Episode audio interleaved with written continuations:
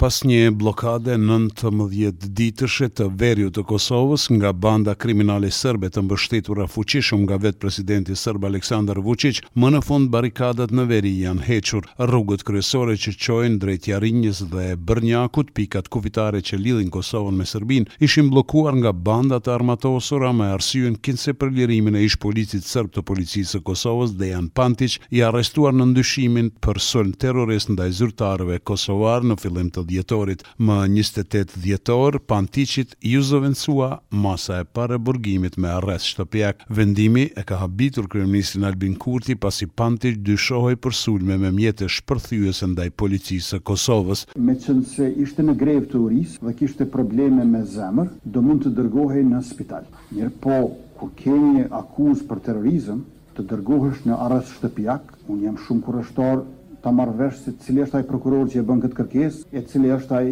gjyqtar i procedurës paraprake që aprovon. Ndërkohë Këshilli Gjyqësor i Kosovës ka shprehur shqetësim pas fjalëve të kryeministrit Albin Kurti duke thënë se kryeministri po tenton të ndërhyjë në drejtësi. Këshilli Gjyqësor i Kosovës ka thënë se gjyqtarët duhet të jenë të pavarur gjatë ushtrimit të detyrave të tyre kushtetuese dhe ligjore. Sidoqoftë, NATO ka mirëpritur largimin e barrikadave në veri të Kosovës në kuadër të përpjekjeve për të ulur tensionet mes Kosovës dhe Serbisë. Zëdhënësja e NATO-s, Oana Lungescu, thotë se pret nga Kosova dhe Serbia që t'u përmbahen angazhimeve të tyre. Në anën tjetër, shefi i diplomacisë së BE-së, Josep Borrell deklaroi se diplomacia mbizotëroi në uljen e tensioneve në veri të Kosovës. Ai shtoi se kjo është një punë e madhe ekipore BE-së, Shteteve të Bashkuara të Amerikës dhe NATO-s. Dhuna nuk mund të jetë kurrë një zgjidhje, shkroi Borrell duke falendëruar të gjithë dhe duke bërë thirrje për përparim urgjent në dialog. Për zhbllokimin e rrugëve ka folur kryeministri Albin Kurti. Ai tha se serbët vetë i vendosën e vetë po i largojnë barrikadat, duke thënë se është mirë që nuk pat nevojë me intervenu Policia e Kosovës. Kryeministri Albin Kurti thotë se s'ka pasur asnjë marrëveshje të fshehtë me Serbinë për largimin e barrikadave në veri. Ai thotë se garanci e vetme që i ka dhënë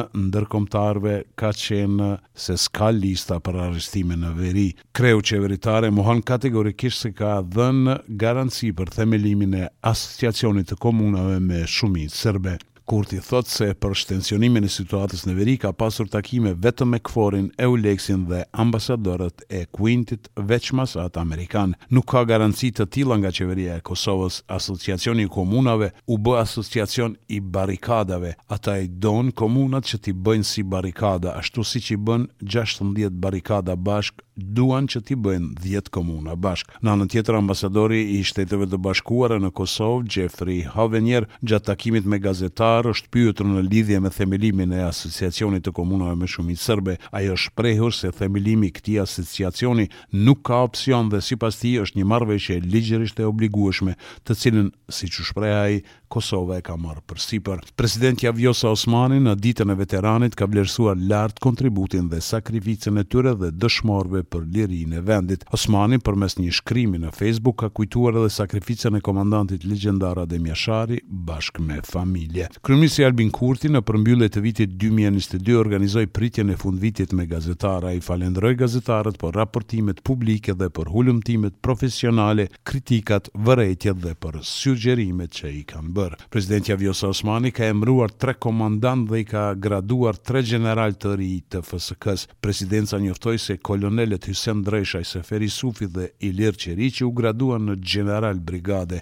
Jeton Dreshaj, komandant i Komandës së Doktrinës së Stërvitjes, Naim Haziri, komandant i Komandës së Gardës Kombëtare dhe Hysen Dreshaj, Komandant i Komandës së Forcave Tokësore të FSK-së për Radion SBS Menduisa në Prishtinë.